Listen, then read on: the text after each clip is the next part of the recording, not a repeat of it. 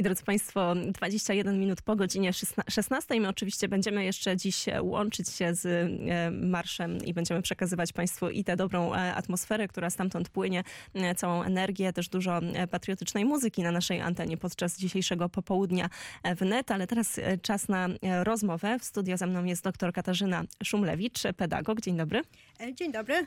Bardzo się cieszę i dziękuję, że przyjęła Pani zaproszenie do Radia Wnet. No właśnie, i takie pytanie. Przed momentem łączyliśmy się z jednej strony słyszeliśmy głosu, głosy z Marszu Narodowego, z drugiej strony Jan Olencki, kontrmanifestacja. Dużo e, mówi się mm, o tych podziałach i to niestety też możemy, prawda, obserwować i w przestrzeni medialnej, w przestrzeni publicznej, już o polityce nie wspominając. Jak pani z perspektywy mm, pedagoga myśli o sytuacji, którą dziś mamy? Myślę, że jesteśmy strasznie zaantagonizowani i to jest bardzo niedobre i dla jednej, i dla drugiej strony, ponieważ nie są w stanie rozmawiać. A istnieją takie kwestie, o których po prostu należy rozmawiać, ponieważ jak ich nie rozwiążemy, no to one w jakimś e, pójdą kierunku same. I to może nie być dobry kierunek.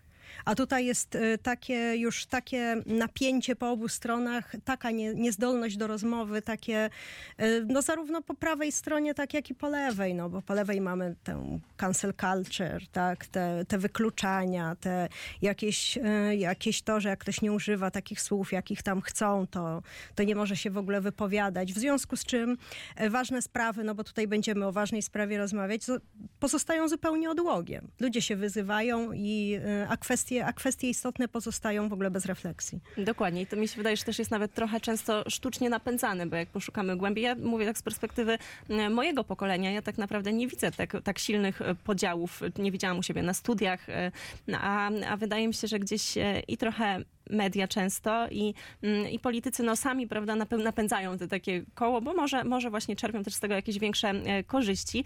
A skoro mówimy o tematach e, ważnych, e, porozmawiamy trochę mm, na temat demografii, na temat tego, dlaczego pojawia się coraz mniej dzieci, nie tylko w Polsce. Może najpierw trochę spójrzmy tak na szerszą perspektywę, czyli na całym świecie, bo trochę chyba jest tak, że ta tendencja dotyka prawie wszystkich kontynentów.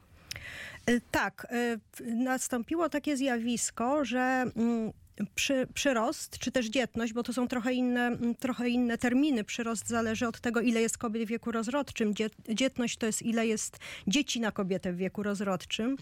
E, I tutaj ta mm, dzietność na świecie bardzo się zmniejsza.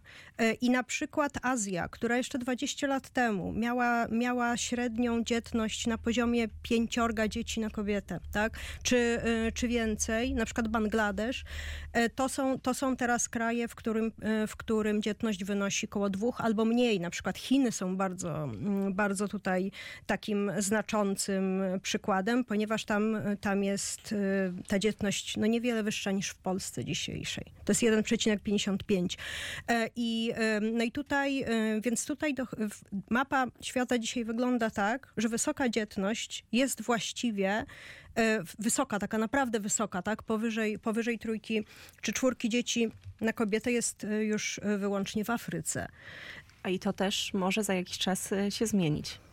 Może się to zmienić, ponieważ y, wszędzie tam, gdzie wchodzi y, antykoncepcja, wszędzie tam, gdzie wchodzi y, edukacja kobiet, tam, tam następują pewne zjawiska, no tylko przestrzegałabym przed uważaniem ich jakoś jednoznacznie za negatywne. Wchodzą takie zjawiska, że na przykład się później rodzi pierwsze dziecko i mniej się rodzi dzieci.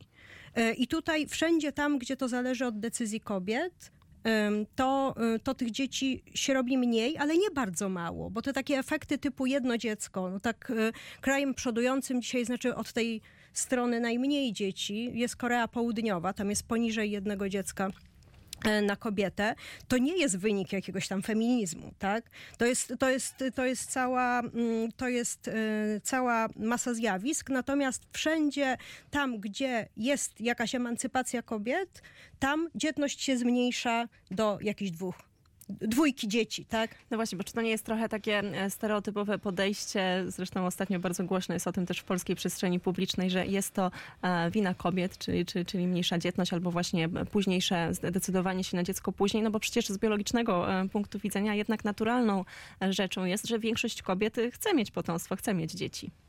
E, tak, i tutaj, e, i tutaj ja się, ja się z tym zgodzę, chociaż to w mojej jakby bańce jest, jest niepopularne mm, zdanie. Dla mnie to wygląda tak.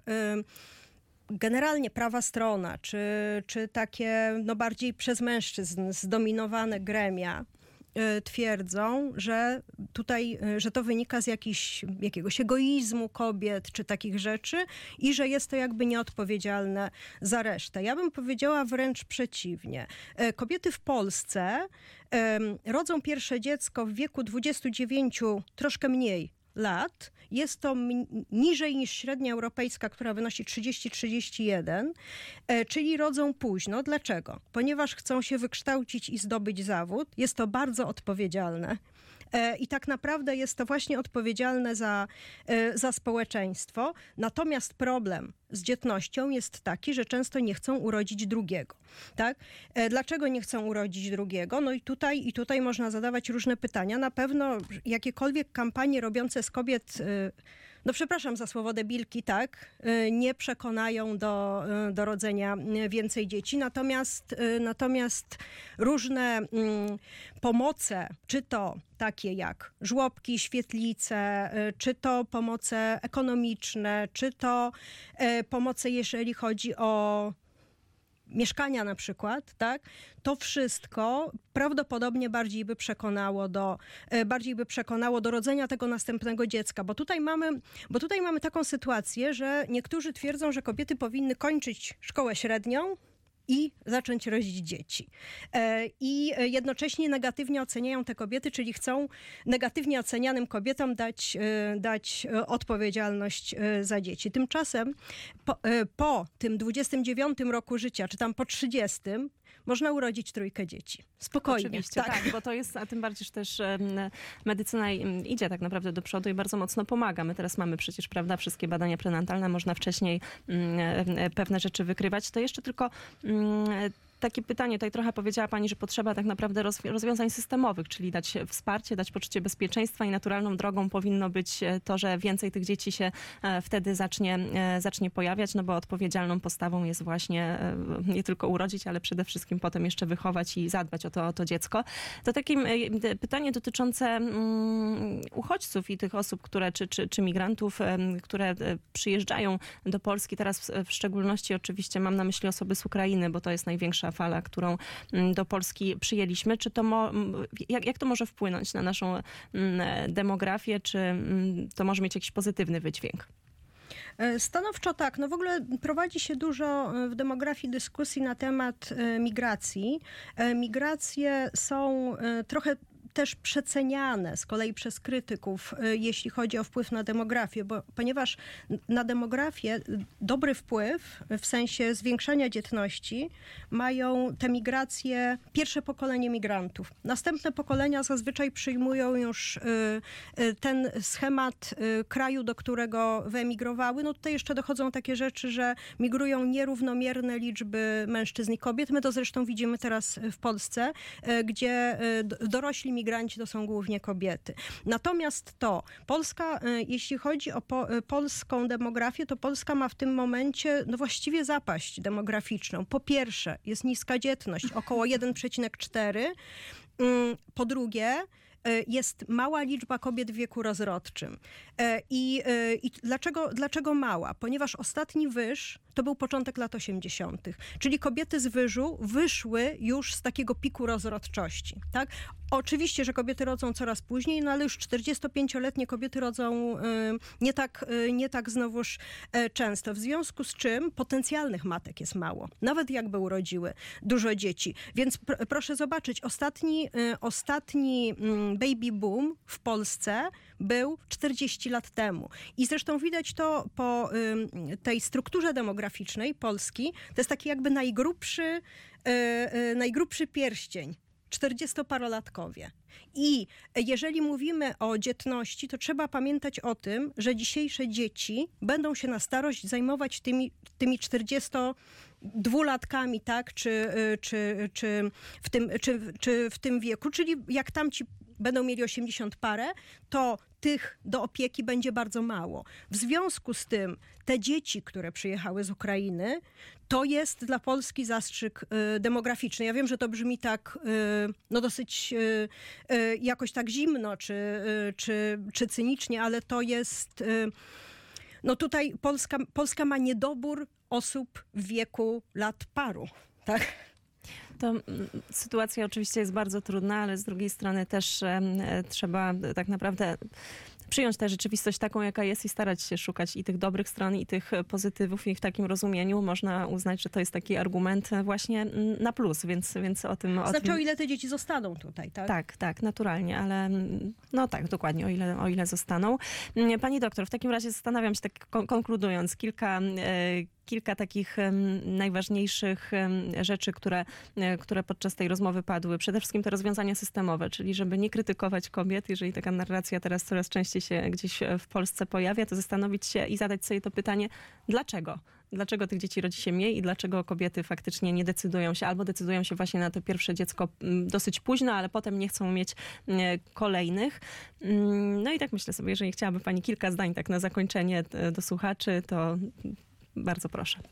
No tutaj y, patrząc, patrząc na cały świat i patrząc na y, przemiany dotyczące właśnie dzietności, które są bardzo dynamiczne, bo jeszcze przecież w latach 70. Był taki, były takie prognozy, że, y, będzie, że w tym momencie będzie już bardzo, bardzo przeludniona Ziemia, a nie jest, tak? Jest nas dużo, ale, y, ale nie, jest, nie, nie jest aż taki tłum, jak wtedy, mm, jak wtedy przewidywano, ponieważ właśnie wszystko to zależy od decyzji kobiet. Tak naprawdę to jest, to jest kwestia decyzji kobiet. I takie kraje jak Chiny czy Indie mają bardzo wielki problem z tak zwanymi brakującymi kobietami, ponieważ ludzie robią mm, aborcje selektywne, czyli te y, po tym, jak się płeć y, stwierdzi, usuwają, usuwają płody żeńskie. Dzieje się tak już od bardzo dawna. E, W Chinach i Indiach e, brakuje po 30 parę milionów kobiet.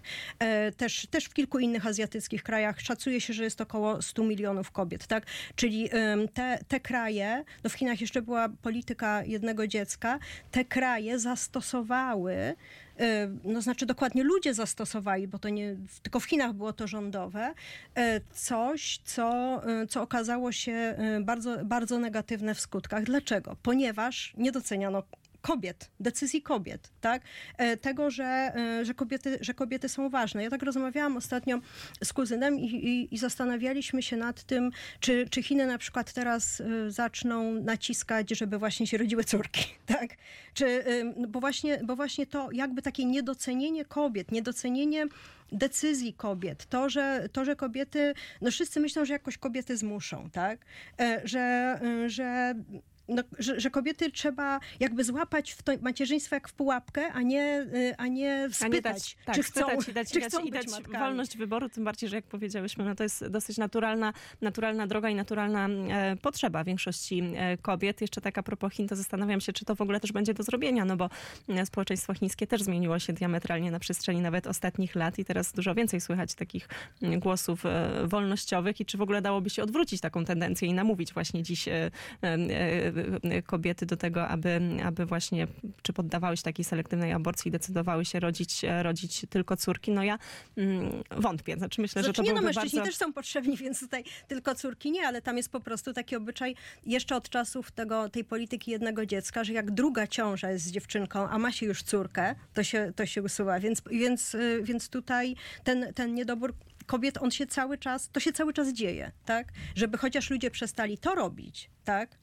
Bo to, to jest zabieg w ogóle zabroniony, tylko, y, tylko bardzo łatwy, tak? Powiedziała dr Katarzyna Szumlewicz, e, pedagog. Myślę, że mm, jeszcze kiedyś do tej rozmowy wrócimy. E, Być może skupimy się tylko na Polsce i spróbujemy odpowiedzieć sobie e, trochę, trochę szerzej jeszcze na te wszystkie pytania. Bardzo serdecznie dziękuję za komentarz. Ja również dziękuję.